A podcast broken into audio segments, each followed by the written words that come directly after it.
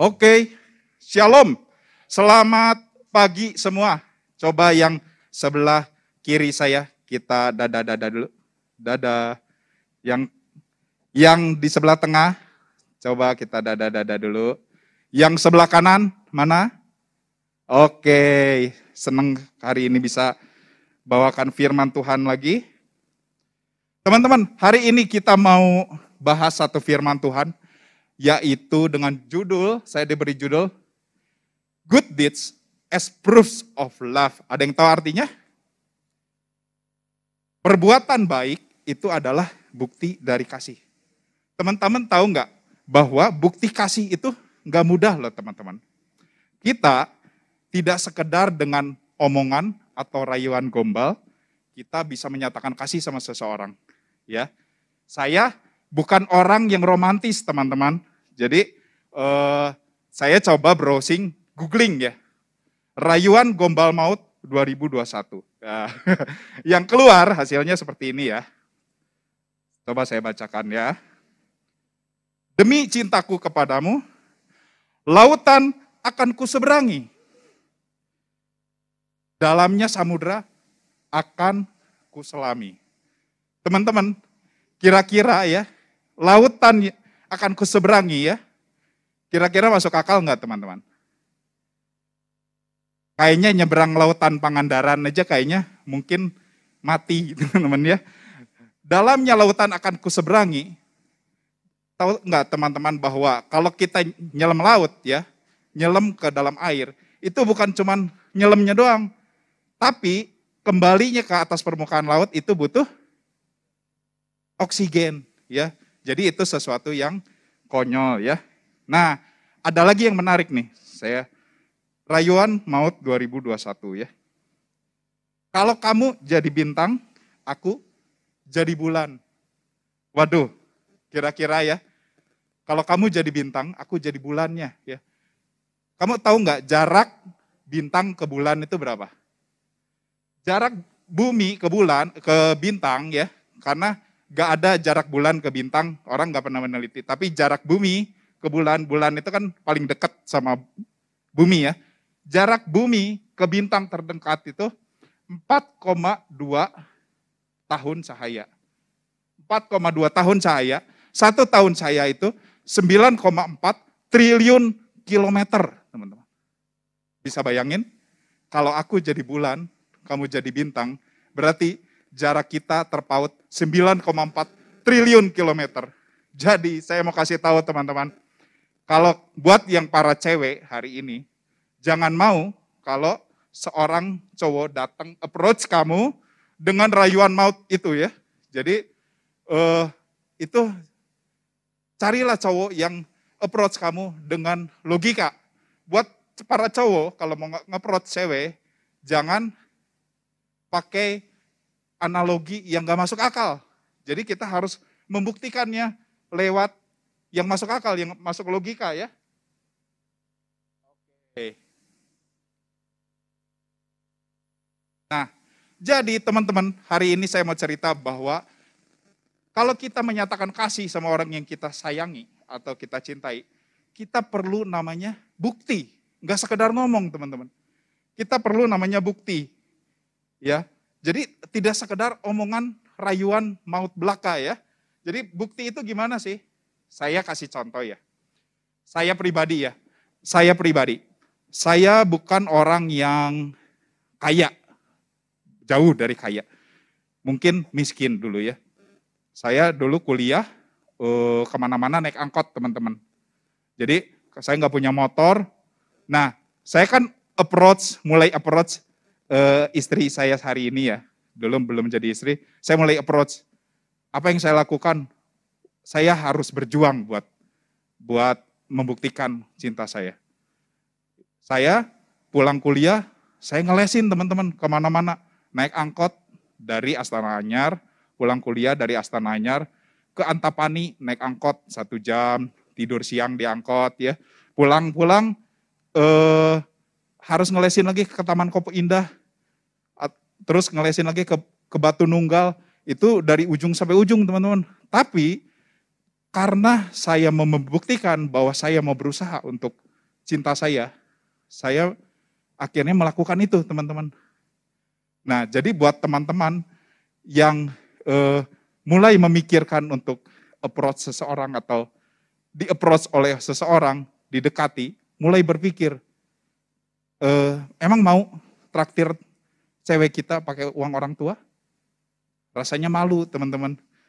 Ya, jadi uh, cinta itu, kasih itu butuh namanya pengorbanan. Ya. Butuh namanya bukti, proof itu, ya. Nah, bicara tentang bukti, ya. Ternyata apa sih bukti yang paling dicari hari ini? Orang ateis itu tidak percaya adanya Tuhan. Orang ateis nggak percaya.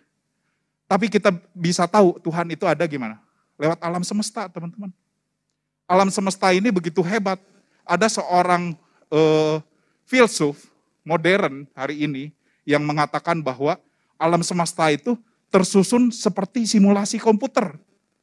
Tersusun sangat rapi seperti simulasi komputer. Polanya nggak pernah bertabrakan, mereka punya pola tertentu dan itu sangat luar biasa. Itu membuktikan bahwa Tuhan itu ada teman-teman.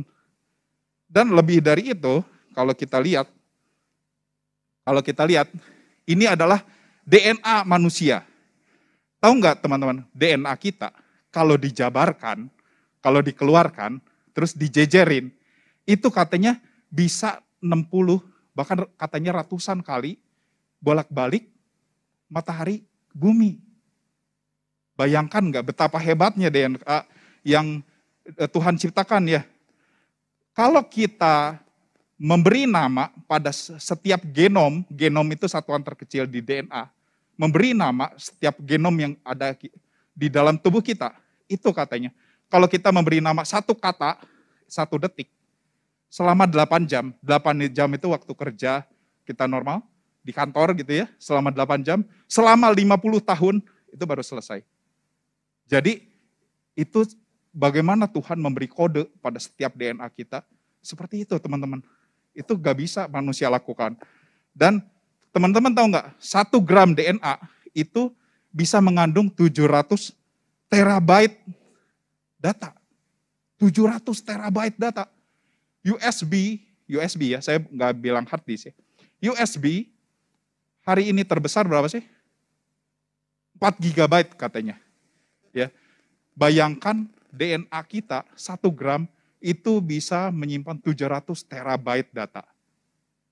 Kalau kita masih meragukan bahwa kita terjadi secara kebetulan, itu tidak masuk akal teman-teman. Jadi ada Tuhan yang menciptakan kita. Nah, lebih dari itu teman-teman, lebih dari kita tahu bahwa ada Tuhan, tapi kita juga uh, tahu Tuhan yang benar, yang layak kita kenal. Yohanes 17 ayat 3 uh, eh, berkata, inilah hidup yang kekal itu, yaitu mengenal engkau satu-satunya Allah yang benar dan Yesus Kristus yang telah engkau utus. Jadi kita selain kita e, tahu bahwa Tuhan itu ada, kita tahu bahwa Tuhan yang benar itu siapa. Jadi kita punya hidup yang kekal teman-teman. Yohanes 17 ayat 3, kalau kita mengenal Tuhan, kita bisa e, punya hidup yang kekal. Alkitab ditulis dengan durasi waktu 1500 tahun teman-teman oleh 40 penulis, kurang lebih ya. 1500 tahun oleh 40 penulis. Dan yang luar biasa, isinya semua harmonis. Semuanya saling menguatkan, tidak ada yang saling bertentangan. Yuk, kita buat surat hari ini. Surat, buat surat, saya buat surat, misalkan Adi bikin surat di, kira-kira isinya ya, ada yang bertentangan nggak? Kita nggak janjian. Gak, mungkin, kemungkinan besar bertentangan. Apalagi ini beda zaman. Ini beda ratusan tahun, ini beda ribuan tahun. Bagaimana bisa isinya saling menguatkan? Dan satu skenario yaitu tentang kedatangan sang juru selamat itu. Dari dulu sampai sekarang, dari kejatuhan Adam dan Hawa, itu janji tentang Mesias sudah ditulis sampai hari ini. Dan itu sudah tergenapi oleh kedatangan Yesus. Isinya selalu konsisten. Oke, bicara tentang bukti, saya mau mengadakan sebuah kuis. Oke. Kira-kira eh, tahu ya ini buah apa ya? Buah apa?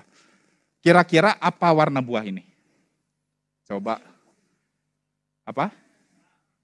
Merah, ya. Kira-kira kalau saya membayangkan ini, bukan membayangkan, kita lihat aja. Ini buah stroberi yang diletakkan di atas piring ya. Pasti warnanya warna merah.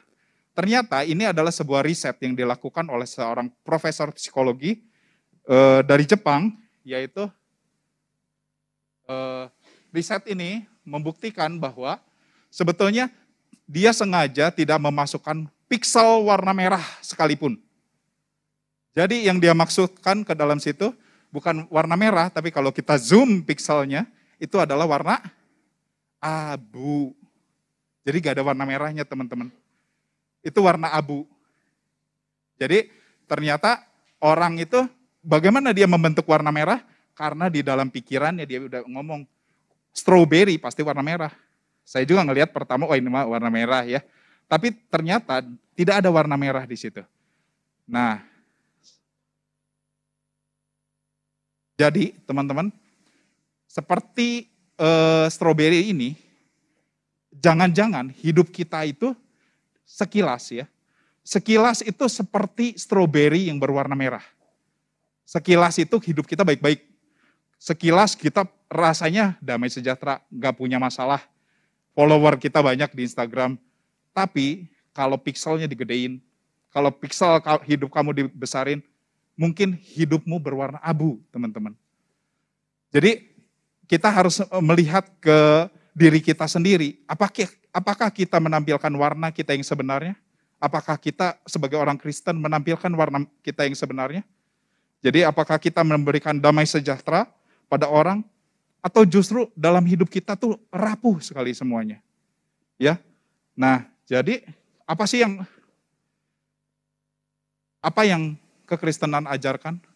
Efesus 2 ayat 8 sampai 9 mengatakan bahwa sebab oleh kasih karunia kamu diselamatkan oleh iman.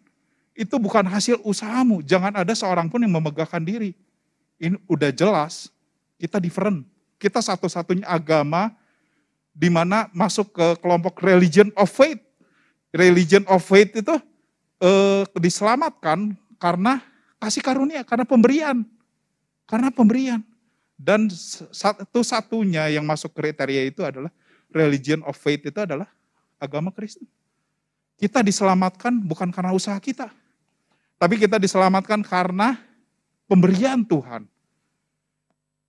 Nah, tapi kadang-kadang kita lupa bahwa eh, setelah ayat 8 dan 9 itu dikatakan di ayat 10-nya Efesus 2 ayat 10 dikatakan bahwa Sebab kita ini buatan Allah.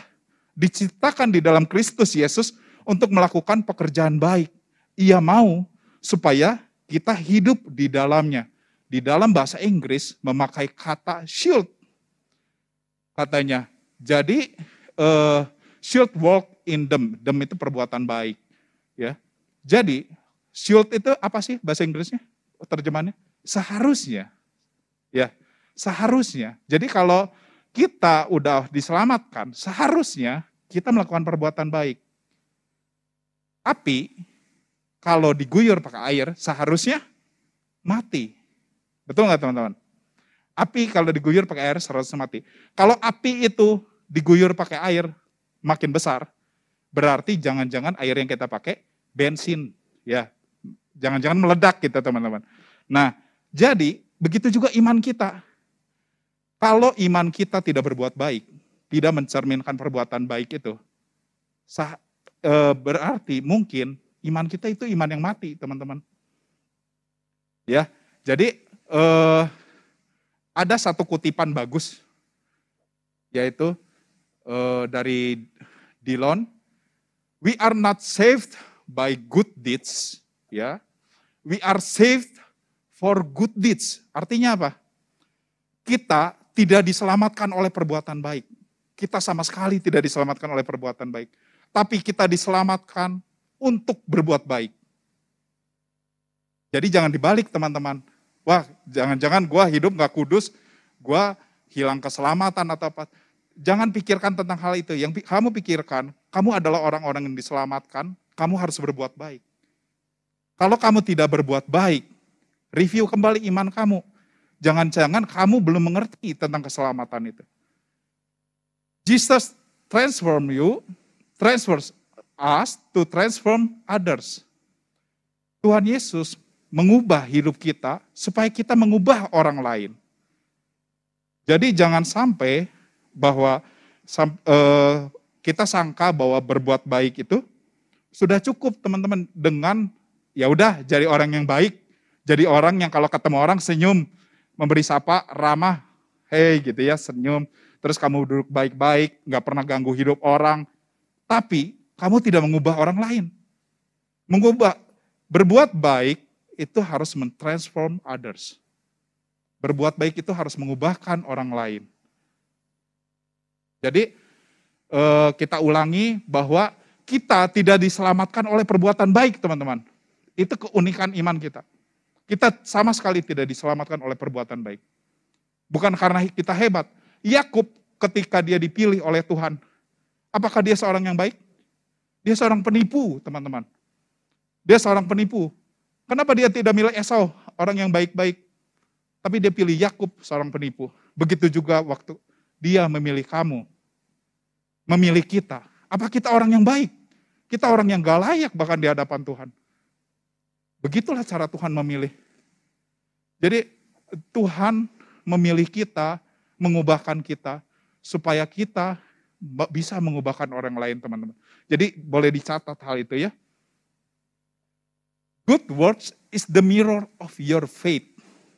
Jadi saya menempatkan bahwa ketika kita menerima Tuhan Yesus sebagai Tuhan dan Juru Selamat di dalam hidup kita, dikasih mirror teman-teman. Mirror itu adalah cermin. Ya. Cermin itu kita bisa melihat kita menyangka bahwa kita orang yang sudah dewasa di dalam Tuhan. Tetapi kalau begitu kita lihat cermin, perbuatan-perbuatan kita, ternyata kita masih bayi, teman-teman.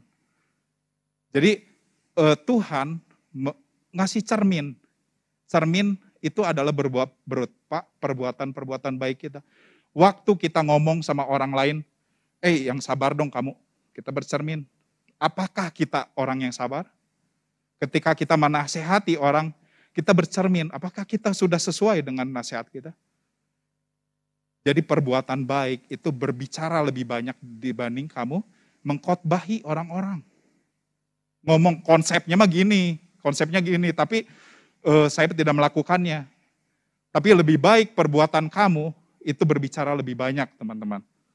Jadi good works, perbuatan baik itu adalah cermin dari iman kita. Nah, pertanyaannya buat kita semua, dapatkah kamu hari ini membuktikan iman kamu? Can you prove it? Dapatkah kamu membuktikan iman kamu? Nah, apa yang kita lakukan sebenarnya berbuat baik itu nggak selalu rumit, teman-teman. Nggak selalu rumit. Kita bisa mulai dari hal-hal yang kecil ya. Dari apa yang bisa kita lakukan? Dari hal-hal kecil. Kita gak usah uh, bikin badan amal, oh nanti saya udah besar saya bikin badan amal untuk kemanusiaan gitu. Ya bagus itu mulia ya. Tapi mulailah dari hal-hal yang kecil. Uh, mulai dari menjadi pribadi yang positif. Amsal bilang uh, bahwa dari mulut orang yang bijak itu keluar ke, kesembuhan dan pengetahuan. Keluar kesembuhan dan pengetahuan dari orang yang bijak. Tetapi kalau kita sebaliknya, tidak ada kesembuhan yang keluar dari mulut kita, tidak ada pengetahuan yang keluar dari mulut kita, berarti kita bukan orang yang benar. Kita bukan orang yang baik. Lukas berkata bahwa orang baik mengeluarkan kata-kata yang eh, bijak. Tidak mungkin dari mulut yang sama, dari lidah yang sama itu keluar satu kata-kata yang menghidupkan, satu kata-kata yang mematikan jangan-jangan yang menghidupkan itu palsu, teman-teman. Jadi yang kita perlu review hari ini, apakah kita sudah menjadi orang yang baik dalam hal-hal kecil? Contohnya, uh, yang seneng ngegibah, ngegibah untuk orang menjatuhkan orang lain di, di belakang. Itu bukan contoh orang yang baik. Ya, itu dari hal-hal yang kecil. Nah, eh, apa sih yang Tuhan Yesus ajarkan di dalam Yakobus 2 ayat 8, yuk kita boleh sama-sama buka Alkitab kita yuk. Yakobus 2 ayat yang ke-8. Saya bacakan ya. Akan tetapi, jikalau kamu menjalankan hukum utama yang tertulis di dalam kitab suci, kasihilah sesamamu manusia seperti dirimu sendiri. Kamu sudah kamu berbuat baik. Artinya, ketika kita mengasihi sesama kita seperti mengasihi diri, diri kita sendiri, kita berbuat baik. Parameternya apa? Ukurannya apa berarti? Diri kita sendiri. Jadi kita gak boleh memandang rendah orang lain. Memandang rendah orang lain dari segi ekonomi, oh dia mah beda level sama gue. Dari segi pengetahuan, ah dia mah kurang pinter, ah dia mah cupu. Nah dari segi apa lagi? Rohani, dari segi rohani, ah dia mah kurang rohani. Nah tapi eh, kita memandang semua orang itu layaknya sama, seperti diri kita sendiri. Contoh kecil ya, pulang dari tempat ini, kita pergi masuk ke minimarket. Masuk ke minimarket, kita beli minuman dingin ya, minuman segar ya. Terus eh, harganya 6000. Terus pulang mau keluarin motor dari parkir, ngeliat si tukang parkirnya lagi eh, parkirin mobil, lengah. Wah, kesempatan kita kabur. Nah, itu contoh kecil, teman-teman. Apakah kita mengasihi tukang parkir itu? Contoh kecil, ada yang punya pengalaman sama? Oh, jangan-jangan cuma saya, karena dulu saya seperti itu. Dulu sebelum saya ditegur oleh istri saya, masa seriusan lu 2000 aja, maksudnya nggak rela untuk ngasih ke tukang parkir.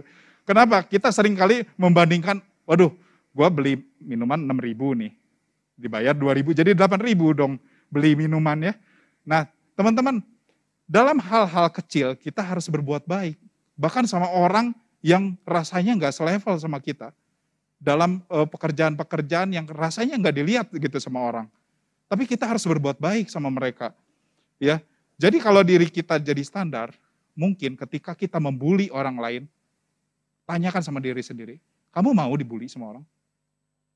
Waktu kita, waktu orang bersalah sama kita, dan dia minta maaf sama kita, dan rasanya berat kita untuk memaafkan, Coba tanya sama diri sendiri. Kalau kamu posisinya ditukar, kita salah, kita minta maaf dan dia berat memaafkan kita, kita enak nggak? Enggak. Jadi perlakukan orang lain seperti diri kita sendiri. Nah kalau eh, di teman-teman di kelompok kalian ada teman-teman yang dijauhi atau dikucilkan, dalam artian mereka berbeda, mereka mungkin mengambil peran antagonis dalam lingkungan pertemanan. Mungkin bukan orang yang asik, mungkin orang yang berbeda. Di kantor juga sama, di sekolah juga sama, di tempat kuliah juga sama. Ada orang-orang yang tersisihkan. Mau nggak kita memandang diri kita ada di posisi mereka? Mau nggak kita dikucilkan sama mereka? Sama semua orang? Kalau kita gak mau, jangan berbuat itu sama orang. Berarti Ketika ada yang dikucilkan, yuk kita satu-satunya orang yang deketin mereka. Kita mulai dari hal-hal yang kecil, teman-teman. Ya. Uh, waktu Tuhan Yesus ada di dunia ini, dia mencontohkan perbuatan-perbuatan baik. Kita buka kisah para rasul 10 ayat 38. Kisah 10 ayat 38. Saya bacakan ya. Yaitu tentang Yesus dari Nazaret, bagaimana Allah mengurapi dia dengan roh kudus dan kuat kuasa. Dia yang berjalan berkeliling sambil berbuat baik dan menyembuhkan semua orang yang dikuasai iblis sebab Allah menyertai dia. Jadi ketika kita berbuat baik, kita bisa berbuat baik. Kenapa? Ada Tuhan yang menyertai kita.